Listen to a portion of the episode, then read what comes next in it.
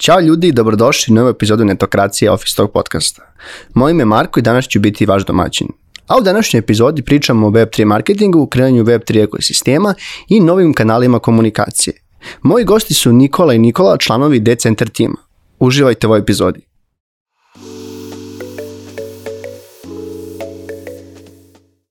Momci, dobrodošli. Bolje te našli. Bolje te našli. Daj za početak možda da ovaj, kažete da predstavite možda Decenter ili otkud vi uopšte u uh, Web3 svetu i kako je tekla vaša neke profesionalna karijera, da li ste imali taj switch, da kažem sad već ovog standardnog Web 2 u Web 3 ili ste dokrenuli jako u Web 3? A, pa ajde, počet ću ja sa tim. A, ja sam zapravo karijeru počeo na filološkom fakultetu sa ono, studiranjem engleskim i neki prvi profesionalni ono, izleti smo i bili zapravo u pokušaju prevođenja i ono, ako neko pokuša da na Kobis ono pretrazi bibliotečke građe ukuca moje ime, naći će neke jako loše erotske romane, na primjer, prevođene, tako da, ono, to su bile prve, prve ideje i prvi pokušaj profesionalnog bavljanja bilo čime, ali to, ono, nije bilo baš unosno, nije imalo nekog potencijala, tako da s krajem fakulteta počeo se bavim digitalnim marketingom, jer to je tada postajalo dosta popularno kod nas, to su, ne znam, 2014. 15. tako nešto, Uh, ono neko, neka ekipa sa faksa je krenula da se bavi time i bilo je kao, ono samo znaš dobro engleski, nešto tu pišeš i kao fino se plaća. Ok, super, uđem ja u to.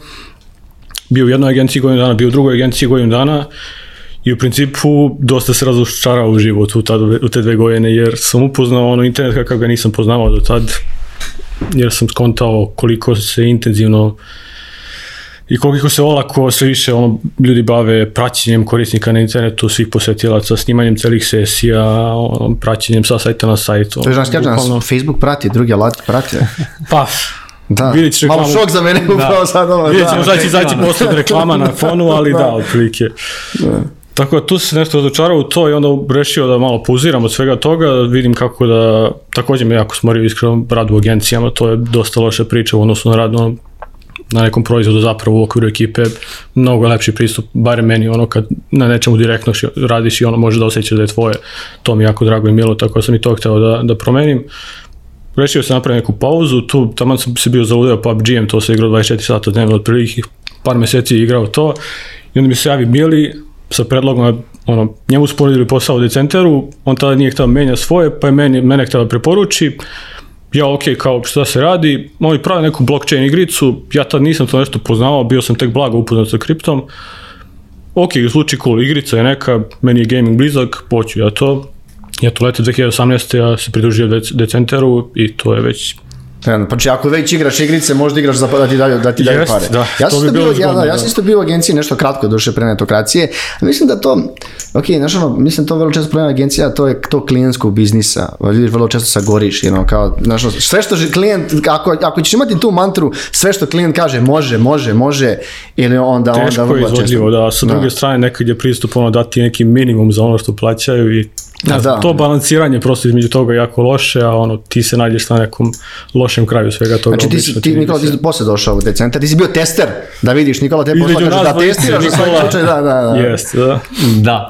On pa, me ubacio kao tester. da. Uh, pa, moj put je malo onako drugačiji, opet uh, ima nekih sličnosti. Uh, studirao sam FPN uh, i sad na FPN-u generalno onako društveni faks. Uh, bilo je dosta onako razmena tu nekih ideja i u jednoj od ekipa, to jest i u jednoj studentskoj organizaciji, da kažemo uh, Libek, upoznao sam neku ekipu, tu se dosta pričalo o tom nekom Bitcoinu, zato što oni su rano, rano znali za Bitcoin, a iako je bio kao, jel tako, društveni faks, uh, kao i Jay, otprilike strastveni sam onako uh, gamer i mm -hmm. ne mhm. samo gamer, nego zanimalo me uvek i to sklapanje kompjutera. Bilo je tu prosto... Hardveraš, da kažemo. Pa to, interesovanja, da kažemo, izvan uh, društvenih nauka i uh, to su bili neki moji prvi izleti čak i u rudarenje Bitcoina 2012. 13. tako nešto. Znači Libekovac koji majnuje Bitcoin. A ja, o... Sad, aj molim ti izađi na Da, Nastavit ćemo. Ovo ćemo morati da editujem. Šans. Da. Elem, kako se zove, drugi moj neki, da kažemo, eto, to je bio prvi izlet, uh mhm. -huh. drugi je bio uh, odmah po završetku fakulteta, krenuo sam, uprobao sam se malo u NGO sektoru, to je bilo onako zanimljivo, ali nisam se baš pronašao i vrlo brzo nakon toga sam krenuo u korporativnom sektoru da radim, gde sam digitalni marketing i marketing uopšte imao prilike da učim u Delta Holdingu. Mm -hmm. Tu sam upoznao neke divne, mislim i sjajne ljude i mentore, profesionalce koji su me učili, međutim opet i korporativno okruženje mi nije baš nekako idealno leglo i nekako sam znao da ću, da prosto želim da se oprobam u startup okruženju, da vidim kako je to u malim timovima raditi na nečemu konkretnom, u jednom dinamičnom, brzom okruženju i tako dalje. E, I e, prvi neki, da kažemo, takav angažman je bio u agenciji Kick-Ass Growth, zapravo mesto gde smo Jay i ja upoznali i e, zajedno radili jedno vreme. E, Kick-Ass Growth je prosto radio, da kažemo, marketinške usluge za jedan veliki broj startupa i e, imali smo priliku da dosta učimo upravo u takvom jednom dinamičnom okruženju, ali ti ipak radiš na e, koje čemu, da kažemo, ima tu svega i svačega. E, kak brzo biva akviziran od uh, jednog tada, od uh, najvećih ICO-ova u kriptu, da kažemo, to je neka 2018. Mm. Uh, Game Credits, mm -hmm. relativno poznata priča koja se neslavno završila na uh, našem tržištu, uh, koja se gasi. Uh, prosto tu sam imao neke, opet, da kažemo, iskustva sa kriptom iz razloga što zanimalo me uvek, pisao sam neke tekstove, neke prve uvodne članke na srpskom o blockchainu i tako dalje, između ostalog za Started blog i um, vrlo brzo, uh, kada se Gen Credits priča završila, ja odlazim u Blinking. Blinking je sad opet neki startup, da, uh, imali ste čak i goste, uh -huh. uh, ovde bio je Miloš. Uh, I uh, tu sam bio neki dve, tri godine kada u nekom trenutku dobijam poziv od uh, Andreja i imam svoj, da kažemo, treći povratak u kripto ekosistem uh, gde me je pozvao da prosto zajedno sa Jayem radim na marketingu i uh, da vidimo mi šta možemo da uradimo po pitanju rasta i akvizicije korisnika. Svuda poći u kripto dođi. Da. da, tako nešto. Pa tako deluje za ljude koji su jole tako tehnički ono zainteresovani za bilo šta, jako je skodna sfera za ući, da. E, ali negde, kako su vaše danas uloge u Den Centeru? Znači, Nikola, ti si Nikola negde, kada kažemo, kao community content manager. Aj samo oko tog problema sa Nikolama. Da, da. Nas ima 21 čovjek uh -huh. u Decenteru, 7 smo Nikole. Dobro, to je da, 30. Pa dobro, kod nas je više, nas ima čet Petar na etokraciji i troje Marko. Znači, tako da to uopšte mi, mi razumemo te probleme, čisto da znaš. Ok, da, ok. A mi će tebe zovemo Mili, a tebe zovemo Nikola, ćeš tako da Mene obično zovu Jay, može. A Jay, može, ja, Jay. Mili, Nikola, Jay, tako ja, ćemo imi međusobno. Da, pa... Mili i Jay, sviđa mi se, možda neko, neko, neki duet posle da napravimo. Možemo da sa bakom prasitom nešto. pa to je sad din, to je sad din. Da, da. A da krenemo, šta je jedan content and community manager u Web3-u?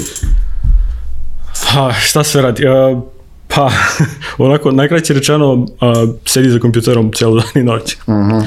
Dobro, to community svuda to radi. Istina, da, istina, da, ali kripto je malo, malo sve drugačije, malo sve direktnije, nekako sediš nemaš u tradicionalnom web 2, ono web apovima i sličnim proizvodima, nemaš baš ti tako neke, čini mi se, instant chatove gde ti sediš u bukvalno sobama sa korisnicima, uh mhm. -huh. gde odjednom razgovaraš možda sa 20 korisnika, a, gde se diskutuje o celom ekosistemu ili tako nešto to, to su neke razlike odnosno vedba, ali da, kao community manager, u principu da moje da da budem tu za korisnike, da razgovaram sa njima, da, svakako i da sa, sa stvaram sadržaj, to, to je nešto čime sam se ono originalno pre svega bavio, jer ono, svim projektima koje je centar pokušavao i radio do sada, ja sam bio praktično jedina osoba koja se bavila growthom i marketingom i kontentom i communityjem, dok nije mi je došao pre nekih godinu godinu i par meseci zapravo.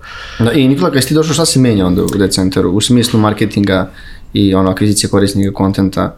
Pa, um, konkretno, uskačem odmah Jayu da pomognem, da kažemo, sa svim tim nekim aktivnostima koje su već bile ongoing i one se pre svega odnose na kreiranje sadržaja uh, i support. Međutim, uh, moment koji, da kažem, sam ja trebao da dopunim malo uh, i na kome smo trebali malo više da radimo je da kažemo to jurenje nekih organskih i e, plaćenih prilika e, koje treba prosto da i kanala uh -huh. koje treba da, da nađemo u niši u kojoj smo mi i proizvodi na kojima radimo I da kažemo, tu je dosta specifičan taj moment koji se tiče kripto, to je sada da kažemo taj Web3 o kojem uh mhm. -huh. pričamo, i DeFi kao neka niša u okviru tog kripta Web3, odnosno decentralizovane financije.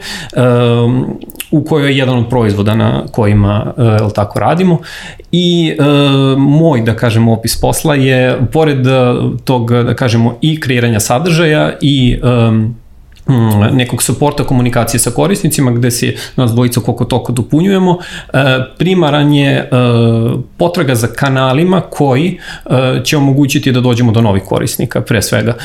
Često su to da kažemo u kriptu i u našoj niši neki kriptomediji, newsletteri su jako jedan onako jak kanal, mm -hmm. naročito u Defiju, saradnja sa influencerima, naročito onima koji kreiraju sadržaj, bilo da je on tekstualan ili neke druge prirode video sadržaj e, i e, kroz, da kažemo, saradnju sa njima dolazak do novih korisnika, jer e, većina našeg sadržaja je edukativnog karaktera uh mhm. -huh. i on služi da mi predstavimo, da kažemo, prednosti našeg proizvoda, fičara, da iskomuniciramo određene da kažemo karakteristike e, u suštini šta mi to rešavamo korisnicima i kako da mi njima e, predstavimo ovo vam zapravo treba možda želite da koristite i eto tako dalje. Te neke stvari si, si pomenuo to što opet imaju klasičan marketing na drugi način te saradnje sa ovaj, medijima, influencerima, newsletterima Kad spomenuo influencere, kako se uopšte dođeš do nekog influencera u, u kriptu? Koliko ste, često, nešto što našao se vrlo često su, bar na Twitteru, nekdo su neki avatari sa raznim imenom. Koliko su uopšte ljudi kad im pošalješ poruku, e, želimo neku saradnju, koliko su uopšte otvoreni kod njih pitanja? Znaš, e, malo mi čisto onako pričamo dobro. o tome. Jako nisam što razmišljao o ovome dok da. sad nisi pomenuo. Da. Pa, dobro pitanje. E, pazi, mi imamo, na primjer, trenutno ongoing saradnju sa nekoliko, da uh mhm. -huh. kažemo, možemo da kažemo, influencera, uticajnih um, ljudi u Defiju. Um, to su neki pojedinci koji su apsolutno anonimni. Uh -huh. uh, eto, postoji jedan koji drži jedan solidno jak newsletter, koji ima čitanost, koji čak ima subscribere plaćene i tako dalje. Uh, mi ne znamo ko je on. Aha. On je apsolutno anoniman. Mi sa njim sarađujemo i oslovljavamo ga po njegovom imenu, Avatar, imenu da. Danger. Tako da, Danger, da. da uh, s druge strane, postoje oni koji su apsolutno um, svojim licem ono, out there. Znači, oni uh -huh. su mhm. i, i na Twitteru aktivni pod svojim imenom i prezimenom i tako dalje. Neki imaju jako veliki following, on se meri u stotinama ili 200, 300 hiljada pratilaca u toj specifičnoj čak niši u kojoj smo mi, što je DeFi, um, odnosno proizvod na kome uh, radimo. Uh, i da kažemo u nekim prvim onako momentima ostvarivanja saradnje to dolazi do toga da e, da li njemu naš proizvod zanimljiv, da li on zna nešto o njemu, e, da li je nekad koristio, e, da li um, potencijalno onako on osjeća neku deli vrednosti uh -huh. slične, uh, jer može da se desi da nekoga prosto ne zanima konkretno to nešto čime... A jeste imali da, jeste imali, ajde dok na pitanja čisto, jeste imali da se ljudi ono vama riču, e kao želimo, ne znam, da pričamo o proizvodu? Imamo u principu to konstantno, često su neke nebitne stvari, ali imamo jako legitimnih ljudi koji kontaktiraju je kao korisnik sam već neko vreme, šta možemo da radimo zajedno, jako mi se dopada ovo, ajde na nešto, hoćemo snim neki video, mogu bi da napišem nešto o vama, imamo toga često, da. E, e, A pitao si, pitao si u startu kao koliko je kao teško kontaktirati uopšte te ljude ili prići im, zapravo nije uopšte, ono, jedna, jedna razlika u Web3 odnosno Web2 je što u celoj toj zajednici svih tih anonimnih i neanonimnih ljudi i avatara i nas sa pravim sličicama postoji neka zajednička srž koja nas vezuje, ono, svi nekako gledamo neki zajednički cilj, neko, neke zajedničke vrednosti imamo i zbog toga nekako prosto kao da se podrazumeva da je svako sa svakim dobar i ono svako je otvoren za komunikaciju sa bilo kim, čak i između konkurencije ili tako nešto, jako je, jako je posebna atmosfera. Rekao, A, malo šta, šta je tipa zajednički cilj u Web3? Ono, svi ćemo da se obogatimo zajedno ili... Je li nešto kad, kad, kad slušam vas i drugi ljudi koji su tu... Da. Kako sam se obojio? Ovaj, kad slušam vas, znaš, ja volim pričati s ljudima iz Web3 jer imaju taj, drug, malo još, ono kažem, uh, advocate pogled na svijet. Malo, malo, malo su mnogo više, puni su života i imaju neke vrednosti u smislu nešto radimo da se nešto promeni. Znaš, kad ti imaš neko kaže ja prodajem softver za nešto. A znaš, ono, vrlo često kad radiš u Web3 ljudi, neke stvari koje mi radimo i temelje koje postavljamo će biti ono, ono bukvalno temelji za nešto drugo, za, za, za svet bolji, ne znam, u financijama za 20 godina. Pa upravo to je glavnija stvar, da to svi ćemo se obogatiti, to postoji kao mema u kripto da, svetu da. i Web3-u, ali je onako negativno je frowned upon je, nije, nije to nešto na što zapravo gledamo kao pozitivnu stvar. To što si ti na kraju rekao, ono, pravljenje nekih decentralizovanijih transparentnijih sistema koji su lakši za verifikaciju, potvrdu, ono da je sve istinito što se zapravo priča o njima, to, to su neki ciljevi. Ono, Bez neki način da, centralizacije. Eliminisanje posrednika što je više moguće također, da. Dobro, vidit ćemo kako će banki da je da, to se da, da po, polako prihvataju neke stvari, ali... Pa, Zanimljivo da. je svakako da banke neke već imaju interakcije sa DeFi protokolima neke su malo odbojnije, ono, zanimljivo je vreme svakako. Da. Vrlo je zanimljivo je to taj podatak tipa da je uh, Societe uh, na evropskom nivou lansirao obveznicu preko protokola koji se zove Maker, uh -huh. uh, što je na Ethereum. Da, Maker je najjačih inače protokola na Ethereum, ali tako? Svakako najpoznatiji među najstarijim DeFi da, da. protokolima, da. E, e, kako izgleda tranzicija, pošto ste imali ovaj, i neko, kažem, radili ste u agencijama, kako izgleda tranzicija, taj switch u glađu i neko koji je u Web 2 u Web 3 i koliko je to teško teško naučiti s tehničke strane, jer Web3 nije samo je, ima dosta tehničkih stvari, pogotovo, znaš, ono, moraš ipak da viš, malo više tehnički potkova nego neki klasičan marketar. I, moraš, i, da. moraš pogotovo što baš te vrednosti i ono, to kako se podržavaju te vrednosti kroz tehnologiju, baš zato moraš da budeš tehnološki potkovan da bi razumeo šta je to što osigurava decentralizaciju neke mreže, kako to zapravo funkcioniše, kako to da je neka transakcija privatna ili kako to da ne može neko nešto da uradi za tebe. Zbog takvih stvari ono moraš da budeš tehnički potkovan da bi prosto znao i korisnicima da preneseš šta je ono koji je zapravo način na koji nešto ti praviš i radiš i kako je to validno, legitimno, transparentno i decentralizovano zbog toga je čini mi se jako bitna ta tehnička strana, a sad prelaz, aj bili tebi malo svežije možda? Pa, da, prelaz, mislim, on je samo specifičan zbog ovog momenta koji je pomenuo Jay. E, generalno, na kraju dana to je opet sve isto marketing, uh -huh. je li tako? E, bilo to Web 2, Web 3, to je marketing nekog softverskog proizvoda. Um, jedini moment, eto, da se osvrnem na, i nadovežem, jeste to, te tehničke prirode, gde je neophodno, čak i ako je neko marketar, da prosto zna sve osnove blockchaina, da zna Ethereum, da zna kako stvari tu funkcionišu, kako se transakcije šalju na mrežu, kako to sve na nekom tehničkom nivou radi, te neke osnove da kažemo. E onda ulazimo u te neke i specifičnosti tipa DeFi-a, odnosno decentralizovanih finansija, šta su protokoli, kako oni funkcionišu, po kojim principima, uh, šta zapravo znači ta neka, uh, ti neki postulati DeFi-a koji su interoperabilnost, kompozabilnost, odnosno kako to svi protokoli mogu jedni da se nakače na drugi, da kažemo, ili proizvodi, pa samim tim da doprinose vrednosti jedan drugom čak i mhm. tako dalje.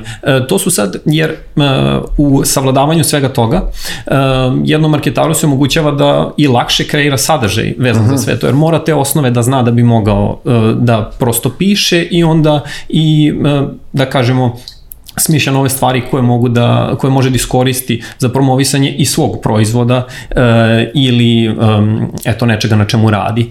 Um, to je glavni moment. E sad, sama tranzicija kao tranzicija naravno nije specijalno teška osim tog e, elementa, jer na kraju dana marketing je opet prode. Opet je da. to kada se savlada, e, kada se sve osnove savladaju, kada se nauči neki proizvod, uradi taj research, nauči ekosistem, to je ovde sad samo malo, e, da kažemo, količina informacije je veća. Ništa drugo. Može da bude nekome malo obhrvljujuće ili što kažemo overwhelming, nekome može da bude onako malo specifično, jer to je jedan živ ekosistem u kojem 24, on je 24-7 uh, aktivan, Živ. tako uh -huh. je.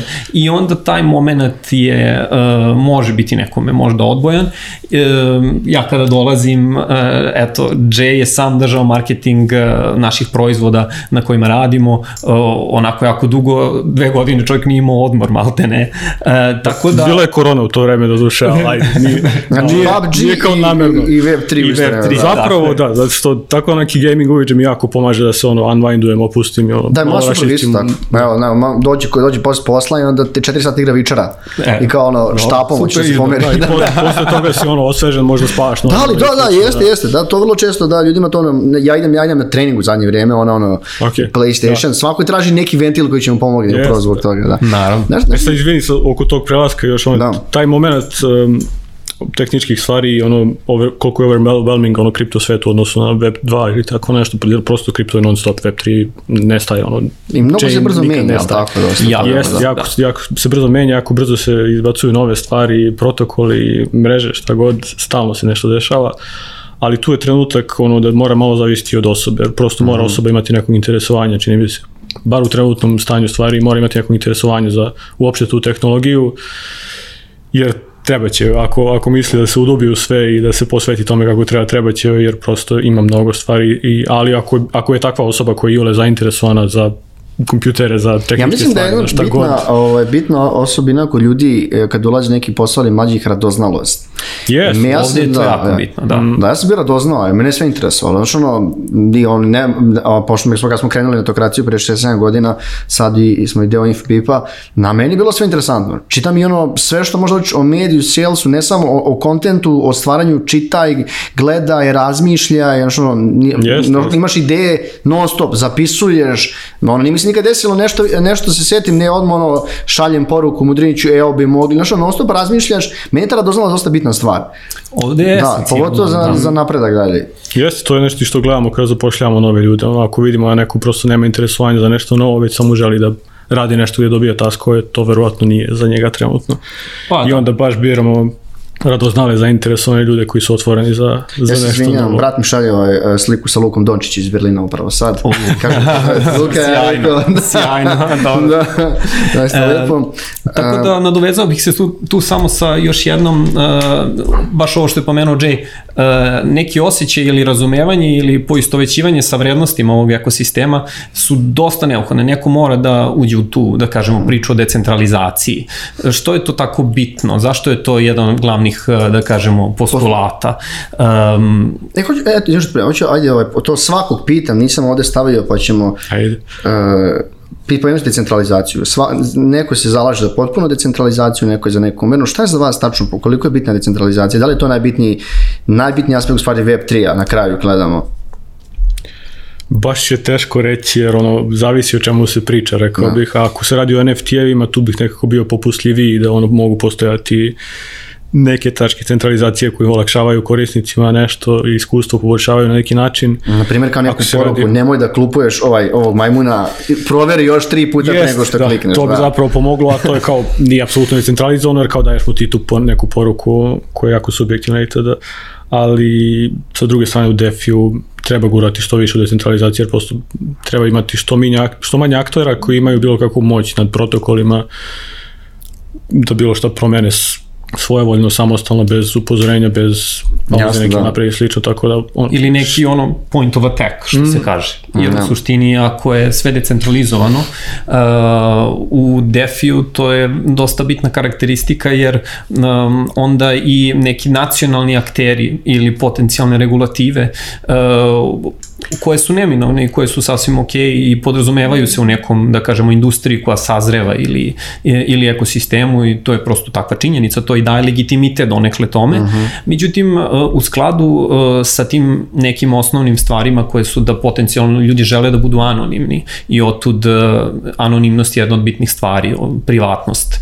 Ta činjenica da je korisnik vlasnik svojih sredstava, odnosno da novčanici koje on koristi u kriptu, odnosno DeFi su ono što zovemo non-custodial. Mm -hmm. uh, I uh, to sve su dosta neka škakljiva pitanja koja su vezana za tu priču o decentralizaciji, odnosno zašto je ona bitna. Uh, dosta jednostavan i dobar primer je, na primer, um, građani Venecuele koji su bili u prilici da onda kada njihova inflacija apsolutno ono eksplodira, e, mogu da koriste Bitcoin da, e, da kažemo, neku vrednost sačuvaju i mhm. tako dalje. E, to su onako primjeri, osnovni da. primjeri, da.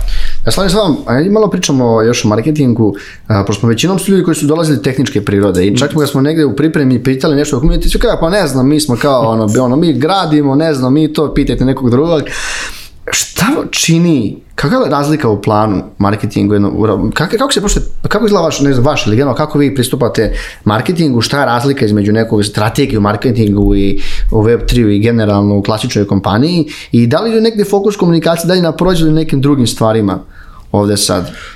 Pa dotakle se malo Mili toga malo pre ono, da, pomenuo. rekao je da, da je u principu jako slično u osnovi, jer prosto ono, marketing i marketing, ti pokušaš da to prodaš na bilo koji način, to je plasiraš, do, dovedeš do korisnika, tako je jako slično u tom smislu i ne znam, neke naše standardne launch or release strategije su pripremiti kontent za naš Twitter, za naš Discord, za Reddit objave neke, za naš blog post, spremiti neki PR post koji ćemo deliti mhm. medijima, naći neki influencer ili značajne ljude kojima je to zanimljivo što smo novo spremili, koji će to možda deliti dalje.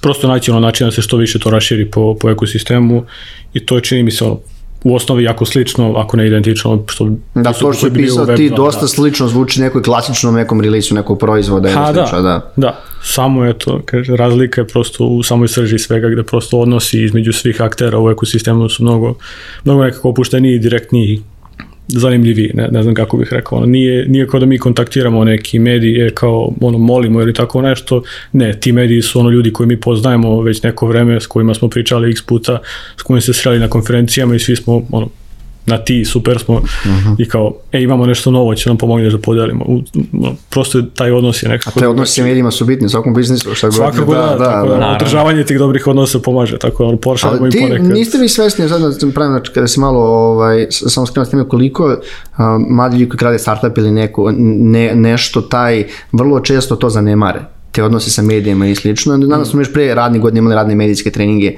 Ne znam nik rekao to glavna snaga netokracije, bile su mnogo timova pronašli i mm. pomogli im da idu dalje. Znaš, ne znam, ne, ne, nisam ja bitan što on uspeo, ali sam bar pustio neku, neku informaciju njemu koju on mogao da dođe neko kontakt ili neko čuo za njih. I priča znači, se proširila. Jeste upravo to. Znači, ne možemo ništa sami da uradimo. To je, to je vrlo brzo. Znači, koji su, pričamo o kanalima komunikacije. Ti, si, ti smo generalno, sad smo i pomenuli, dalje su slični. Mm. Koji, pomenuo si Reddit, to definitivno nije klasičan kanal komunikacije. Discord da. takođe. Mm. E, na koji način način na brand ili Web3 kompanija komunicira sa ovim e, korisnicima. Na pa koji... najbolji kanal je verovatno Twitter, jer ceo, ceo kripto svet je na Twitteru, tu je ono gde, gde žive meme, gde se rađaju nove meme, ono gde konstantno se šire nove drame, nove zanimljivosti, aktualnosti, tako da Twitter je definitivno ono gde je Web3 svet naj, najaktivniji. E sad, onako, šta, šta je naš pristup bio do sad na praktično svim projektima koje je Decente radio je je bilo, Twitter se ok koristi pre svega kao zvanično za, kao kanal za širenje vesti i novosti o projektima. Sem toga obično imamo Discord ili Telegram gdje se spajamo direktno s korisnicima, to mogu biti stotine ili hiljade sa vremenom ljudi koji su ili stvarno korisnici ili zainteresovani da pomognu na neki način ili prosto žele da diskutuju jer možda prave nešto slično ili isp, uh mhm. -huh. ono, ispituju različite alternative. A poslednji je Reddit koji je malo drugačiji u smislu ne, ne ideš tamo da reklamiraš, ali da samo da održavaš neke veze sa malo širim communityjem iz Ethereum sveta, iz Web3 sveta, ono da stekneš malo malo intimniju neku, kripter je, Twitter, pardon, je jako me, jako me, opušten i nema yes. tu neke intimnije komunikacije, ne, neće tu upoznati nekoga zapravo, Aha. tu najviše ima brandom avatara, da. da, često bude nekog random prozivanja, nekih glupih mema, to je opušteno zezanje, platforma za zezanje da. u kripto svetu, A u Redditu će biti malo, malo zbirnije priče ipak, pa A koliko je, tu se koliko, da se... Koliko je Reddit generalno, Reddit Web 3, Reddit različito od ovog klasičnog Web 2 Reddita. Znaš kakav je Reddit, ono, to je, ko su ono crni komentari, ono, katastrofa, nema dalje, razumeš? Baš sam čitao nas tih komentar, to je vređanje u jedan kroz jedan. Nebitan da li je financije, ono, subreddit programiranja Srbije ili financije, to se ljudi ono, na nož. Da. A, da, a da im promovišeš nešto, pa ti si gotov. Znači, ako napišeš ovo moj proizvod, gotov si odmah, to nema šta da. Naš Reddit koji si pomenuo je malo specifičan. da, da, da, da, srpski Reddit je e, čudan, ali Reddit je generalno jako e, velika platforma. Mm -hmm. Subreddita ima milion milioni mm. i tako dalje. I tu sad sve zavisi od interesovanja niše i tako dalje. Konkretno u Web3-u, um, kratko ću ispričati, pa može Jay da se mhm. nadoveže na njegova uh, Reddit uh, više sfera rada, ali Reddit je prosto uh, u našoj, uh, našem ekosistemu bitan iz razloga što su tamo ti neki ljudi koji su imali inicijalno deljenje ideja, početke uh, kripta, što Bitcoina, pa posle kako se um, ekosistem kripta gradio, nastajali nova blockchain rešenja i tako dalje. Uh, tu su se prosto neki profesionalci i ljudi koji imaju uh, puno znanja o tome, uh, dosta onako etablirali i oni su i pisali i delili svoja znanja i tu su najviše aktivni. Tako da se zapravo u, na primjer, subredditima poput Eat Finance uh mhm. -huh. nalaze neki ljudi koji su iz tradicionalnih financija pa su prešli u kripto ili su se prosto u kriptu našli i tamo su već evo u deceniju. E, njihova znanja su jako velika i input i feedback koji daju na nešto što mi želimo da podelimo, da li je to feature, da li je uh, neki naš plan za dalje, da li želimo da ispitamo, ok, razmišljamo, radimo ovome, uh, mm -hmm. na ovome, pardon, um, da vidimo što oni misle i tako dalje. Tako da ima tog momenta. Znači malo su ipak su više, nakažem, saradljiviji. Profesionalniji bih ja upotrebio, Jest, da. da. I, da. da. I svak, u početcima, kao pre 5-6 godina ili 7, ono, u početcima Ethereuma je Reddit, ja mislim, bio glavna platforma, tamo su ipak sve priče bile vođene, ali kako je rasla cela ta grupa ljudi koji ili developuju, koji su korisnici, cela ta publika polako se pomeralo ka Twitteru, radi malo brže komunikacije i više zanimljivosti, ali na Redditu je ostala ta neka kvalitetnija malo priča, malo intimnija, gde ipak ti možeš ono ipak jedan na jedan ili jedan sa par ljudi nešto, nešto pametno prozboriti, ne samo nalupati uh mhm. -huh par mema u Nikola, pričali smo nekim kanalima gdje ono, dobri su za komunikaciju i slično, ali to su vrlo često, to su organski kanali, to nije, nije paid. A ti spomenuo da kroz saradnje sa ovim influencerima, medijima, ili uopšte postoje neka kao, osim tih saradnje, postoje neke reklame u web, ti da zakupim, da. da nije baner ili reklam, oda da zakupim neku društvenu mrežu ili nešto na redu, kako bi se reagovao web 3, postoje još tako i negdje iz tvog iskustva, jesi možda video tih nekih kanala ako gledamo ono što ste uložili, šta mi se najbolje, najbolje vratilo kao mm -hmm. kanal, da gledamo taj, tu akviziciju? Uh, Pa da, hajde evo prvi deo pitanja da odgovorim. Znači, u Web3 i u kriptu generalno na reklame se ne gleda povoljno, je li tako? I zapravo možemo čak da kažemo gleda se vrlo negativno. To je donekli zbog tog aspekta momenta gde se šiluje svašta, gde se različiti, pojavili su se skem projekti, pa se navlače ljudi, pa kako se to radi, pa to se radi kroz te neke reklame koje zapravo neko može da vidi. Ali mi znamo i da su platforme velike poput Facebooka, Googlea, uh, jedno vreme apsolutno blokirale bilo šta vezano Dosta za reklamiranje. Je to, da. Tako je. Oni sad to malo nešto vraćaju uh, postepeno, međutim tu sada ima vrlo jasnih regulativa ko može i sme da se reklamira, uh, to je bilo šta vezano za kripto i tako dalje. E, e sad, onda ima taj drugi deo te priče koji kaže legitimni projekti i ljudi koji su zaista aktivni u kriptu, defiju, ali koji stoje iza nečega ili korisnici koje zanimaju ti legitimni projekti, e oni ne žele da vide reklame. Oni ako vide da to neki ozbiljan projekat radi, malo im je to neki red flag. Naročito zavisno u kom obimu, koliko agresivno.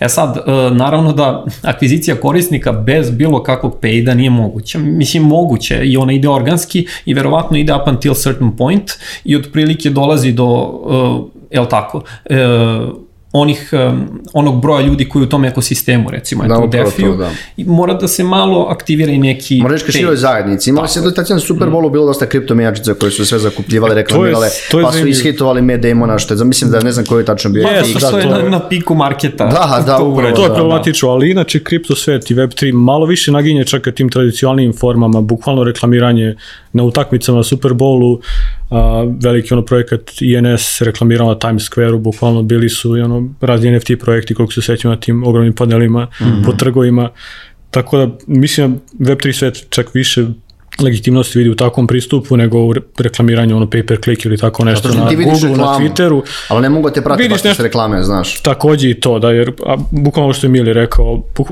praktično je red flag ako vidi da se neki projekat reklamira na, na Twitteru ili Googleu, to, to je prosto neki ono no-no u, u Web3 svetu za sada. Da. E sad, da se opet nadovežem uh -huh. na drugo pitanje koje si postavio, to je, pa ok, e, šta mi onda radimo, mo, da, moramo nešto to, da. i kako su prošle neke kampanje, hmm. pa uh, one su mahom vezane za saradnju sa uh, upravo tim nekim profesionalcima, influencerima, ljudima koji su ili sarađivali sa nekim drugim protokolima, to više ne rade, sad su već um, ostvareni ili influenceri uh -huh. ili mhm. ličnosti, prosto imaju svoj neki mali biznis, um, brand i tako dalje, koji su autoriteti u ovoj oblasti. E, oni imaju svoje neke ili newslettere ili kanale, a opet već je došlo i do kreiranja kriptomedija. E sad, da. naravno, kriptomediji nude uh, različit uh, medijski prostor koji je moguće unajmiti, to je mnogo manje zapravo uh, uspešno. I, uh -huh. uh, iako je tu bilo nekih testiranja koje smo radili, to se do sad nije pokazalo toliko uh, jakim kanalom, najviše i najbolje i dalje prolazi edukativni sadržaj koji je upravo u saradnji sa, jel tako, da li je to tim influencerima, tim autoritetima u ovoj oblasti, gde su ili oni kreiraju sadržaj ili mi kreiramo sadržaj u saradnji sa njima, koji to su često neke duge forme ili Uh, prosto uh, product overview, neki uh, guide vezan za naš mhm. -huh. proizvod i uh, kroz to prosto pokušavamo da dođemo do većeg broja korisnika tako što im samo predstavimo, e, evo šta mi radimo, ovo možda vama rešava neki problem, možda vam je zanimljivo jer nešto što vi pokušavate da uradite, eto, primjera radi u Defiju, uh, ovaj proizvod može da vam omogući uh -huh. taj neki feature koji smo mi sad izbacili. Um, Tako da u vezi sa ovim da. tvojim pitanjem, to je neki deo naši i, da, da, i znam strategije. da je, na primjer, se, nisam gledao, nisam gledao 100% na mesta, ovaj Bankless podcast, da su oni imali taj klasičan model gde su ono čitali reklame ili imali dole da. kod one likove da se link da Zapravo, da, to, da. da. Ali to kao, ne gleda se nikako negativno na to, jer mi praktično ako mi sponzorišemo takav podcast, mi kao praktično potpomažemo Pomažemo rast Web3. A to jeste pomaganje, da, pomaganje. Da, jer je to jako, da. jako mlad medijum, a cijela zajednica inače jako mlada i onda prosto je Pa jeste. To je pozitivna stvar za sve, da, da, da. To je dobar primjer jer Bankless je, eto, na primjer, autoritet u uh, sada, prvo možemo kažemo bilo u DeFi, u Web3, mislim sad u generalno u kriptu, to je trenutno najjači podcast uh, u jeste, kriptu jeste, da. i po gledanosti, uh, slušanosti mm. i mislim i po sadržaju, kvalitetu sadržaja, ali i po govornicima koji kod njih dolaze. I po njih dvojica ima jako veliko znanje. Da, Moram, jeste, da, oni su da baš od početka tu, da, tako da, da. da. da. da. E, poput Banklessa ima određenih medija koji su kvalitetni. Jedan od njih je, na primjer, The Defiant. E, uh -huh. s mhm. njima smo imali super saradnju, imamo je često, stvarujemo je često, jer um, možemo da se dogovorimo oko kreiranja nekog organskog sadržaja. Uh mhm. -huh. Jer, opet, da se samo nadovežem i dodam celoj ovoj priči, a to je, um, dakle, u kriptu i defiju se više ceni taj organski sadržaj ili možemo da kažemo native, pa ako je i paid, Aha. on mora da bude jako native. Koliko i tu ima inputa sa vaše strane? Ili vi samo date pa onda oni da, ono, napišu iskrenu recenziju ili iskreno nešto kako da koriste vaše Često projekt? je zapravo tako da, da čak platimo za vrlo iskrenu recenziju i to je čak ono što i mi tražimo, jer tako iskrenost je. nam treba i ono, ne želimo nikada da bude mi bilo šta da predstavljeno bude... u pogrešnom svetlu, netačnom, neistinitom. E, pa, I želimo da. da bude prosto njihovim monolingom, njihovim Jeste, jezikom, da. njihovim načinom komunikacije sa njihovim korisnicima, odnosno pratiocima. Da, da neverovatno je da, da ono, mislim da sam to tipa skoro 7-8 godina u medijima, e, da su, i ti nisi svesni koliko kompanije dalje ne znam da komuniciraju, pogotovo mm. tradicionalne kompanije koje šalju PR-e kao objavite, ako nema šanse. Znaš, on ne, po, kaže, ali, kao, ali, ali mi ne radimo tako, mi ćemo da napišemo naš, kaže, ali nama je to više cimanja. Pa kao, pa da, što su navikli, znaš. Mm. Vrlo često je kako si ti, vraćam ako si mediji, i meni je lakše da uzem, samo obijem 10 članaka koji ste vi poslali, da se ne cima više oko toga i da pustim da me boli uvo, ali to je problem, te poverenje publike, da je to autoritet, šta tu razumeš? Da. Jer nama i ovaj podcast i tekst potpisan imenom i prezimenom. Moje ime prezime je tu, ne piše da, da, da. redakcija tog i tog medija. Naravno. Pominjali smo Twitter mm. i pre jedno šest meseci, pre ovog, ovog malo kripto, da kažem ono, ovaj, kreša i svega, to je bio kripto Twitter i web. Kad god sam ušao, svaki tweet je bio, deo, ovo, thread, evo 10 stvari u Web3 da, kompaniji, da, da. evo 10 ovo. Ja bio isto, ono, i pratimo se dvojicu, uh, radite super stvari na Twitteru, dosta je taj sadržaj komunikativan, ne, edukativan, da kažem, naučite dosta stvari i, ovaj, i jedan od stvari praćenja vas na Twitteru je bilo, e, hajde da ozovemo podcast da pričate o tome, Ajde malo da detaljnije pričamo Uspela je strategija. Da, o Twitteru u smislu nekih insajta, kako, kako ono, e, ili ima neki plan kad objavljuješ ili gledaš, hajde ono, kolika je komunikacija sa ljudima i čisto to razumeš? Pa mislim da se deli na nek, taj, kao naše Twitter prisustvo, mislim da se deli na neka dva glavna pravca gde su to ono zvanični kanal i ovi privatni nalozi koji se dosta razlikuju. Sa zvaničnog kanala postoji naravno plan u toku svakog našeg dvonedeljnog sprinta mi ćemo imati otprilike isplanirano kada se relisuje nešto novo sa naše strane, kada se dešava nešto novo na nekom od protokola koji imamo integrisane, možda u nekom projektu ili tako nešto, a sa druge strane ono što je mnogo zanimljivije što često ima mnogo bolju prođu i što bih preporučio svima da se bave na Twitteru ako se bave Web3 je prosto praćenje aktualnosti. Sad to može biti ili praćenje kao koja je mema aktualna ove nedelje ili koja je drama aktualna ove nedelje, gde onda to pomaže ti da znaš kako se uključiš u neki thread ili objaviš nešto svoje, gde će ono, to igrati se sa tom aktualnošću, a ipak plasirati neku tvoju poruku na neki način. E, pomaže svakako praćenje aktualnosti u dešavanju ono što de, developmenta uh -huh. protokola stvari na kojima trenutno radimo. Da, da. I pomaže u smislu prepoznati nešto novo što se dešava možda gde mi možemo da predložimo neko naše rešenje koje ili već postoji ili ćemo na jako brz, za jako kratko vreme napraviti, ali prosto to, to, to neko baš kađanje ta, tačnog vremena kada nešto treba da se odgovori negdje ili plasira, to je nešto što dosta pomaže da nešto što objaviš na Twitteru, ja, na kripto ja, Twitteru ode viralno. Objava i ti zvara, ne vratno možda čitam na Twitteru, ovaj naš je Twitter, domaći Twitter, to nije realno. Naš Twitter je znači, da, diskutabilnog kvaliteta. Vrlo lokalnog karaktera. I, ja želim pitanje za te mreže, nešto zašto ono, na TikToku izgleda mnogo kao kreatora koji non stop ono, pričaju, da kažem, tako mm. bukvalno tim rečima o Web3 i kriptu, šta mislite o tome?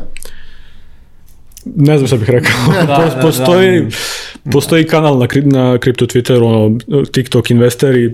-huh. često su tamo jako loše meme, tako da, da ne znam, to je inače sad, sad je krenuo, moje vidjenje toga. Ima kurs koji ti uči da prodaješ, da kupuješ kriptovalute i to je, to je najveći problem, što je ja sve u da. kriptu ima ono, taj monetarni moment i onda prosto svako ima neki incentiv da se bavi time na bilo koji način da bi profitirao od toga. I sad to, to pravi dosta lošeg sadržaja, do, da. jest, dosta buke oko legitimnih stvari, da. To je problem generalno u Web3-u za za sve. Ali, Ali da. e, postoji, ja pričam malo baš o toj o, o zajednici, pošto jedan od osnovnih pilara je Web3, ako sam prošto je sad kontent i zajednica i stvaranje toga, koliko mm. je teško i stvoriti i zadržati tu zajednicu, jer konstantno moraš da komuniciraš sa ljudima i da im ono, izbacuješ nove feature i pričaš sa njega i slušaš njihove želje. Yes. Koliko generalno kad pravite neke prodaje, slušate želje šta ljudi kažu i onda na osnovu toga, e, hajde da razvijamo moje feature, hajde da dopunjujemo i ostale stvari. Mi smo praktično da. sve što smo radili je bilo jako povezano s community u smislu uvek slušamo šta god projavljuju kao probleme, kao neke stvari koje im ne odgovaraju interfejsu, gde vide poboljšanja. To mislim da nam je jedan od, jedna od najboljih strana, jedna od najboljih stvari koje smo mi prihvatili kao, kao standardno kod nas, da smo jako vezani sa, sa tim nekim core userima koje imamo. Sa koliko je teško kao napraviti neku aktivnu zajednicu, jako zavisi od projekta do projekta, od trenutka u, kao širem kripto svetu ili market u stanju marketa, da li smo u Beru ili Bulu, ali generalno može biti jako lako, može biti jako teško, zavisi od pristupa. On, a projekat može izabrati put jako lak gde će izbaciti neki praktično bezvredan token koji će podeliti stotinama hiljada vratno ljudi, privući sve njih u svoj Discord, Telegram, šta god. Pump and dump. Ali je praktično, da, da, da. možda je čak i nešto polulegitimno, ali time se stvara jedan ogroman community koji zapravo nije vezan ni oko čega drugog, neko oko vrednosti tog tokena, stvara se neka toksična atmosfera gde ljudi najviše pitaju kao kad će ovo da raste, zašto ne radite ništa na, na, na ceni i takve stvari.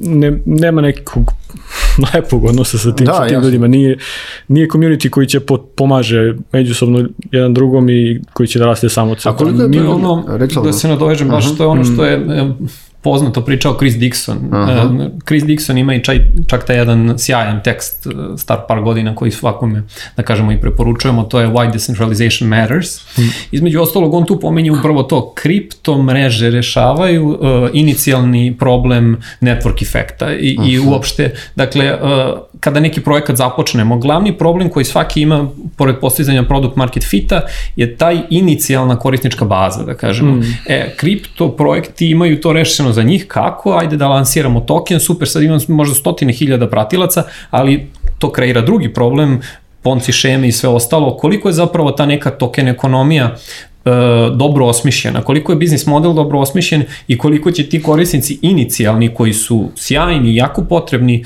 e, za to brže lansiranje proizvoda ili projekta, koliko su oni fokusirani na tu monetarnu komponentu, a koliko zapravo su oni tu na te, zbog tehnologije, da, tako i da koriste proizvod. Da, mislim, to vrlo često problem što se dešava u Web3 da ono, zašto propadne, jer su mnogo vezane za taj token. I onda naprave protokol ili proizvod od tokena i onda se upravo desila Luna i Terra i yes, često su to, svašta, tako, da. Često su tu u pitanju neki neodrživi mehanizmi gde postoje vjerojatno tokenizori, incentivi koji on, taj projekat deli korisnicima kako bi ostali pri tom protokolu, proizvodu, šta god, e, ali to je prosto neodrživo, jer kao ne možeš štampati tokene u nedogled, izgubit će vrednost kad tad, to će stati, to I zato, zato zajednice koje se kreiraju relativno organski, bazirane mm. na, da kažemo, projektima ili proizvodima koji su zapravo tu da reše neki problem, mhm. -huh. to jest daju neku dodatnu vrednost korisnicima i to je ono glavno što ih privlači, potencijalno nemaju ni token, e, to je onako dosta moćno jer kako se ta zajednica organski gradi, tu se stvara i jedan visok nivo poverenja uh -huh. i niko tu možda i ne očekuje više nikakav token. E, tu se radi o tome da oni proizvod ti korisnici, članovi zajednice koriste samo zato što im stvarno pomaže u nečemu. Da. E, I u tom smislu i to poverenje izgrađeno e, je i bolje, čvršće i e, zajednica veća, da kažemo, i nekako je komunikacija prirodnija.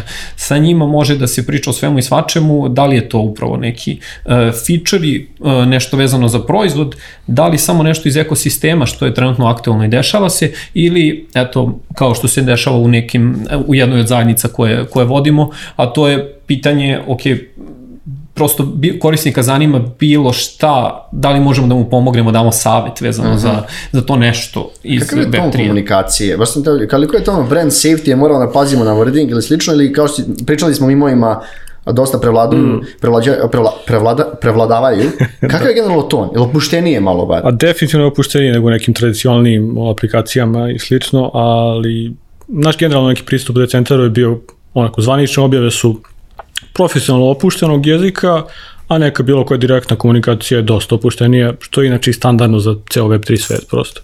E, e, I da, uh, ili, dakle, dešava se uh, u ovom ekosistemu sve je novo, sve je mlado, uh mhm. -huh. inovacija je glavna stvar, pričali smo o radoznalosti. Dakle, kada to privlači taj veliki broj mladih ljudi, uh, neposredna, direktna mim komunikacija koja je prosto preuzela internet u zadnjih par godina i to smo svi svesni, ovde daleko bolje prolazi nego bilo kakva uh, formalna, iako, eto, za jedan od projekata mi zadržavamo profesionalni nivo komunikacije, jer prosto smatramo da je to dobro, mm. ali moraju da se tu ubace povremeno neki mimovi ili neke uh, šale neophodne. To je kultura. I to je to deo kultura, te kulture. Da, to je kultura, da. Bilo šta uh, previše formalno ili prosto neka briga o brand safety, ovde može da deluje ono što se zove boomerski mm -hmm. i da se shvati čak čak i, i negativno. Uh -huh.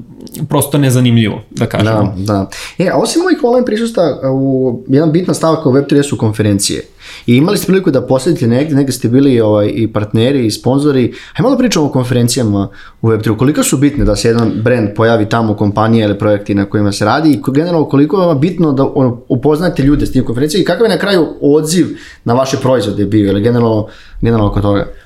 Pa evo mogu ja da uskočim tu, mm -hmm. u suštini po, pričali smo o onoj marketinškoj strategiji, mm -hmm. nama su konferencije u nekom trenutku prosto postali jedan od važnih uh, stubova te marketinške strategije i uh, mislim da su jako bitne, uh, naročito uh, to se vidi, evo samo da kažemo po broju konferencija koje su u Ethereumu od prilike dolaze do neke brojke od 100 ove godine, što je sasvim suludo i naravno niko ne očekuje da će svi ljudi posetiti sve to, ima većih, ima manjih i tako dalje. Um, pa onda kada je event industrija počela da se oporavlja i da zapravo eventovi kreću, tada kreću i u kriptu, odnosno u Web3-u i um, one postaju važna komponenta jer sada, na primer, za neki projekat uh, postoje neki gde su svi anonimni. Mi -huh. ne znamo ko, na primer, stoji za par, uh, par glavnih ljudi za projekta protokola koji se zove Yearn. Prosto da. to je tako. Ali postoje oni gde ljudi apsolutno žele da vide lice koje oni vezuju sa tim, a potencijalno tim je već poznat i mm -hmm. na internetu. E, hajde sad da vidimo uživo. Um, nama su se strategija um, jako, dobra, jako dobro pokazala, neki događaji jesu sponzorisani, uh, dobri primjeri su nam ti veliki koji su bili u Lisabonu, Liskon, ID Denver u Denveru, uh, e, ICC u Parizu. Dakle, to su sad sve velike Ethereum konferencije. E, I ono što je dobro je ta zajednica želi da vidi, da kažemo, jer onda e, kada vidi prisustvo nekog e, projekta, članova tima, e, ona osjeća, da kažemo, i taj moment participacije, deljenja vrednosti i tako dalje Drugo, jako je dobro prosto videti te ljude uživo, desi se, na primjer, i u svakom od gradova nam se desilo da nam priđu naši korisnici i prosto oduševljenje kada on pohvali neki feature i kaže, ja, meni je to mnogo značilo, to je bilo super, hvala vam na tome, ok, šta da radimo bolje, šta bi ti želeo, ništa, ništa, samo vi radite ovako kao što radite do sad to, je, to su neki onako super momenti. A istovremeno mi smo se onako baš potrudili da imamo prisustvo koje je tamo, uh -huh. kada odaberemo da se nešto sponzoriše, onda je to relativno jako prisustvo, pa može da bude dobar i primjer, eto u Lisabonu smo imali strava veliku žurku u jednom od onako, uh, što je bila unofficial opening žurka Liskona, uh, koju smo zapravo radili sa ekipama Tenderly i Tesseract odavde, uh -huh. uh, predstavnici su bili u nekim epizodama podcasta, uh -huh. uh, i pošto smo mi svi iz ove zajednice. To je opet stvorilo taj osjećaj deljenja zajedničkih vrednosti i učestvovanja i kao ajde napravimo samo događaj gde smo svi mi to je bilo stvarno jako posjećeno sa ono što se kaže facama iz ekosistema. Sjajno. To konkretno je bilo baš pun pogodak jer je bilo, ja mislim da to bi prvi kao veliki event, prva velika konferencija nakon što su spuštene ove sve mere kontrole letova i te, poseta kontrole i tako. Jeste, to je bilo prošlog oktobra, krajem oktobra i on, najzad prvi veliki event posle toliko vremena, meseci, praktično i godina, i kao mi imamo žurku koja otvara sve to dan pre prvog dana, baš je bilo sjajno. Smanjili smo dosta poset, ono, broj poseta tog prvog dana, da. jer je potrajalo dosta, ali bilo je sjajno. I ali ono što mi pomenuo je bilo pre svega oko sretanja korisnika, ja moram da dodam da je sjajno i oko sretanja bilo kakvih partnera i drugih ono, developer timova s kojima radite i održavanje prosto nekih lepih odnosa sa njima. Uh, tu konkretno meni je to bila prva velika konferencija na kojoj sam bio i bilo mi je sjajno upoznati najzad ljude s kojima pričaš online tako dugo i ono koje praktično poznaješ, bio si kroz različite kreševe, krize, koje kakve i probleme sa njima i najzad kao možeš da tu ono, pružiš ruku i zagrališ se sa nekim. Ja mislim, tako je baš, baš je dobar osjećaj. Da, ali Web3 još u mladim industriji su ženi takvi stvari. Ja mislim da se čak i Web3 ove konferencije više vratili nego neke klasične konferencije. Pravo, vrlo, vrlo, vrlo moguće. Da, ili da, da, da razvijaju se nove, znaš. Da, da, da, ovde da. je to krenulo onako baš jako, naroče da. to 2022. To je onda, kad su shvatili, e sad može sve, mm. e super, onda ajmo sad svake nedelje neki veliki kripto event negde u svetu. Često su tu uvek različiti gradovi širom sveta. Uh, nadovezao bih se baš na ovo što je Jay rekao, uh, super je jer stvarno se upoznaju svi ti ljudi timovi jako blisko sarađuju u kriptu i naročito uh -huh. u DeFi-u. E, I ukoliko projekat, da kažemo, ima neke integracije, više protokola, tek onda, to je masa ljudi koji se zna, ali zna se samo online. Sad kad se vide uživo, to je sjajno. Uh, upoznati korisnike koji su, eto, zahvalni za proizvod je sjajno, uh, ali uh, važan ovaj moment uh, koji je pomenuo je ta B2B komponenta. Uh -huh. uh, dosta nekim, da kažemo, uh, konferencije mogu biti koristan kanal, dosta. Uh, ukoliko ukoliko ima projekata I eto, to je savet. Uh mhm. -huh. Ukoliko neko pravi neko B2B rešenje, konferencije su pun pogodak. Partnerstva, zapošljavanje, talenat, tu je sve. Često je gomila investitora. Gomila da. investitora, da. Da, Web3 znači, bio, nama se de... godine jako, jako, onako, kažem, hot field za investiranje. Yes. Neke cifre su neverovatne, da. Mislim, da, to je došlo i do momenta hajpa i svega, da. ali dobro, to je ta masovna likvidnost koja dovela do inflacije da, i svega da. ostalog. Međutim, uh, ovo što je pomenuo, deš, desio nam se, na primjer, na svakoj od konferencija minimum 3 do 5 uh, VC fondova koji prilazi i pitaju, evo, tražite investiciju, možemo da investiramo. Uh, ne tražimo, ne, ali to je toliko česta pojava da je prosto Eto, da i mrč je dosta bitan, to web yes, kompanija već ste, da, da. ste došli majicama. Mrč je onako, da, dosta web reprezent. Hajde ovaj, uh, pošto smo već, skoro smo tu na sat vremena, a imamo još par pitanja, Tek. da nas ovaj iz montaže ovaj, ovaj, da se posle ne, ne, ne ljutite na nas. Pokrili smo neke stvari koje su generalno vezane za ono, kako kažem, zbog čega ste došli priča o marketingu, mm. Web3 i projektima na koji ste radili, ili šta se dešava trenutno sa Web3 i kriptom tržištem i neki projekti, mislim, pričala Nikola, ovaj, neki koji su od lokalnog karaktera nisu preživeli, ko zna koliko neće da preživi, šta očekujete u narednom, narednom periodu za kripto industriju? Ili za, ne, i za neke protokole? Dosta teško pitanje, Evo, a, jer će se on, baš je teško kao pretpostaviti uopšte koliko dugo će moći da traje ovako lošije stanje marketu ili taj neki bear. A, očekujemo da će neki manji igrači možda morati da, da se ugase, ali generalno većina bitnih i legitimnih projekata ja mislim da je spremna za ovo, jer kao većina tih projekata je rodila se u prošlom bear marketu, znaju kako to izgleda, tako da su spremni za, za još par godina takvog, takvog lošeg stanja. E sad, kako je kao trenutno stanje, nezgodno je, ali ono, tek smo, tek smo počeli sa Berom, smanjili su kao ono trade volumes, uh, uh -huh. smanjilo se broj korisnika, ono, teže je plasirati nešto novo, ali je dobra atmosfera za gradnju, jer mnogo manje da. buke ima, mnogo manje cimanja ima oko, oko tih nekih novih korisnika koji možda nisu upućeni ili tako nešto. A, mnogo manje vremena se troši na tako neke stvari koje su inače aktualne kada, kada je jak priliv novih korisnika. Uh, i onda je dobro vreme za napraviti neke nove velike stvari, biti spreman za, za sledeći ciklus. Da se filtrira tržište dosta. Tako je. Pa mislim, generalno u tom ekosistemu važi ta neka, da kažemo, čak floskula. U Beru se bilduje. E, u Beru se pravi mm -hmm. sve glavne inovacije su nastale u bear marketu, pa i eto, ceo DeFi ekosistem i koncept decentralizovanih financija, a onda svi ti protokoli koji su on top njega. Um, koliko može da potraje, pa onako kako ja vidim je e, potencijalno može biti višegodišnje. To sad mhm. zavisi uh -huh. uh, od mnogo faktora, ali ono što vidimo je da je generalno u svetu jedna od većih onako momenata krize, uh mhm. -huh. makroekonomske nestabilnosti, geopolitičke nestabilnosti i uh, sve to zajedno vuče i očigledno ovaj ekosistem sa sobom koji je pokazao da je apsolutno u nekoj korelaciji sa uh, drugim tržištima, naročito na primjer akcija i tako dalje. Um, Bitcoin je nastao 2008. ali tako i krenuo kao neka ideja, to je pardon 2009. 10. ali je nastao nakon krize 2008. kao neka ideja. E, pa ta ideja um, do sad nije zapravo bila suočena sa recesijom, pa ćemo ja. Da. da vidimo kako će to sve imati nekog efekta. E, opet ono što je spomenuo Jay, koliko će ih preživjeti, koliko neće.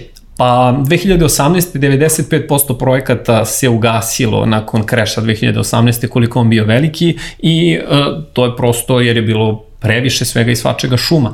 Mislim da će ovaj put znatno manji da se ugasi, uh, bit će opet velika brojka, to su ti neki manji timovi, možda nešto što nema legitimitet, nešto što je pump and dump šema i tako da, dalje. Da, 100%, da ali mnogo toga što je legitimno će preživeti jer uh, svi su spremni za ovo, spremni su sa ono battle tested su, spremni su sa nekim uh, ono war chestom i uh, mogu da izdrže više godišnju. Pa da, primetio sam da su generalno ljudi koji i razni projekti, protokoli ne kažem da uzbuđeni zbog mogućnosti da, da ono sad da, da se fokusiraju da grade proizvode, a manje mm. ono, da se ima te, kao ste rekli, šuma i buke okolo. Mm. Jer to ono što je pogotovo NFT donao zadnjih godinu, godinu dve, taj neverovatan da, šum. Da. To će, ajde malo da pomenemo čisto šta se desilo s tim, znači to je bukvalno toliko, malo je sad spalo, da. prehodnih godina to nije mogla se živati od NFT-a, pa imamo ju čak neke lokalne ekipe koje, da ih yes, ne imenujemo da. sada i da ne dobijem šećer, ovaj, Da li to zbog velikog priliva visi novca ili što su velike, ono, ili možda mogućnost kao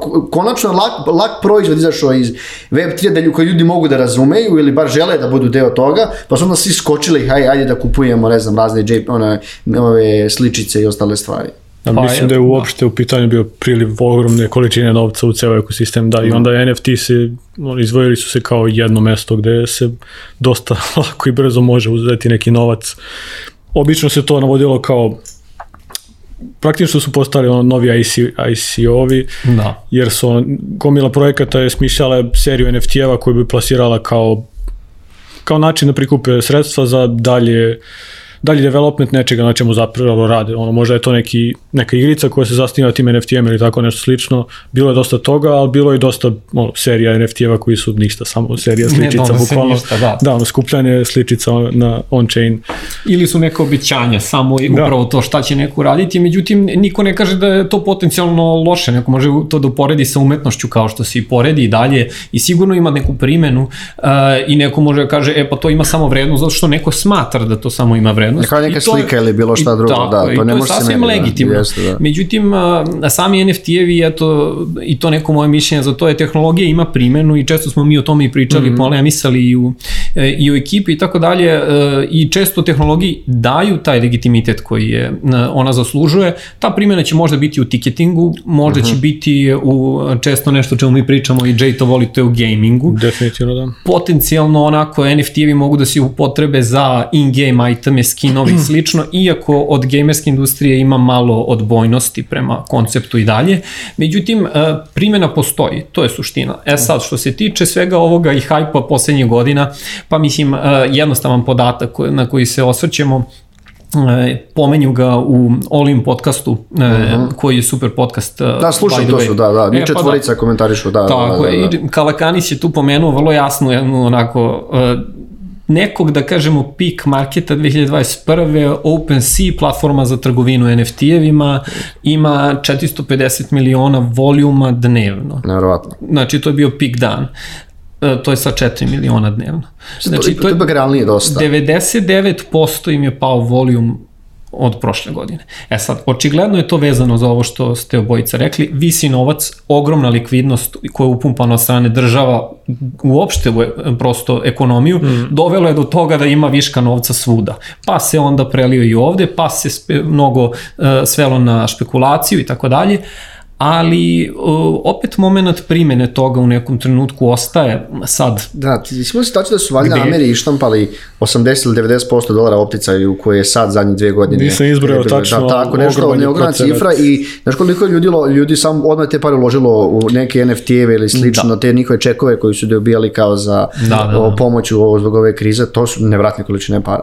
Mislim, kao zašto, kao zašto se dešava, pa kao zato što je mnogo količine para optice bez pokrića. Mm. Tako je, i mislim, ali Um, u tom, da kažemo, evo sada povlačenju uh mhm. -huh. likvidnosti kojim svedočimo, uh, se zapravo i dešava i bear market. I be, svuda, i u tom istom podcastu koji smo pomenuli, Olim podcast su baš uh, govornici rekli, dok se sva ta likvidnost ne povuče sa tržišta na sve načine kojima raspolažu zapravo uh mhm. -huh. centralne banke, pitanje je zapravo kad izlazimo iz ovoga. E sad, koincidencija sa drugim geopolitičkim krizama koja proizvodi da je to zapravo sad mnogo veće i opasnije i teže zbog to je druga stvar.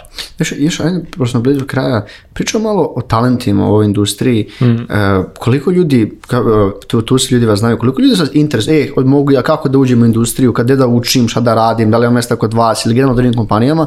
Mi svedočimo pogotovo kako, ono, programeri, da kažem, i ono, ljudi koji su dev u inostranstvu, pogotovo nevratan prelazak i shift ljudi iz web do web, kakav je stanje u marketingu? Uh, Ili imate neke informacije, malo drugačije? Malo drugačije, da.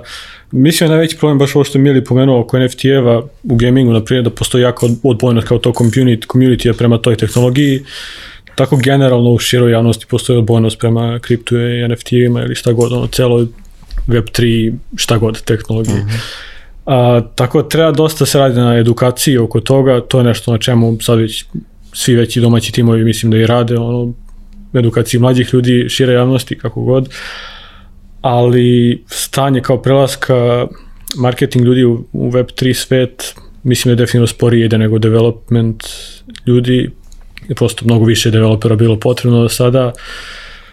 marketari jesu prelazili na nekim ogromnim projektima, rekao bih mnogo više nego na nekim manjim stvarima. Na manjim stvarima su se često ipak zapošljavali da. neki novi ljudi zainteresovani za to uopšte, što je često bivalo možda i uspešnije, bar u mojim očima, jer ti neki tradicionalniji pristupi nekih velikih uh -huh. uh, marketara sa dugačkim iskustvom u, u Web2 često nemaju najbolju prođu ovde, često su neke... Ne prolazi, da. da. Da, često su to neke strategije koje su možda odbojne u ovom community i slično. Ili outdated jednostavno, a mm. ovo je jedna mlađa ekipa, onako traži neki drugačiji pristup.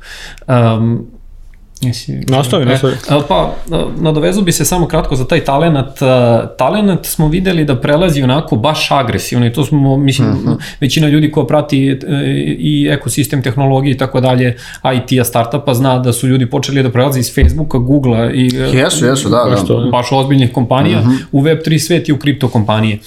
Um, tako da ima određen jak talas koji, kome smo svi posvedočili, prelaska ljudi uh, i talenta, naročito inženjerskog, ali rekao bih da se to dešavalo i sa nekim talentom koji sveta biznisa, jer vidimo da su ljudi iz banaka čak u Americi počeli da prelaze vrlo jako i aktivno u, na koje kakve kripto projekte. Jer kako industrija i ekosistem sazreva, dobija na legitimitetu, um, ja mislim da će tako postati zapravo i prijemčivi tom nekom talentu koji ima Sigurno, tu inicijalnu da. odbojnost zbog brojnih uh, pump and dump šema, prevara i čega sve, kako se to čisti svakim talasom i kako dolazi regulativa, neki legitimitet, a onda i institucije koje daju dodatni tipa jedan od najvećih fondova BlackRock je sad ušao u kripto vrlo aktivno. Ali dobro, I, BlackRock, mislim, o, pa nema dobro, šta nisu ušli, e, njihove da, sve ali, na kraju. Da.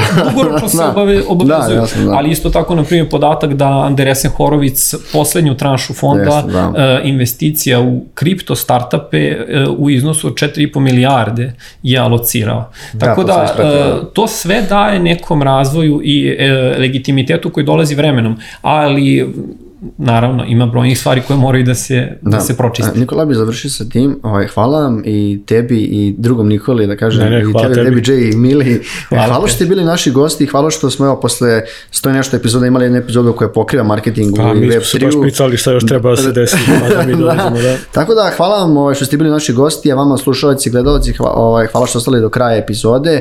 Netokracija Office Talks možete pratiti na YouTube u video formatu, a audio na svim poznatijim streaming platformama. Hvala još jednom. Hvala najljepše. Hvala Marko.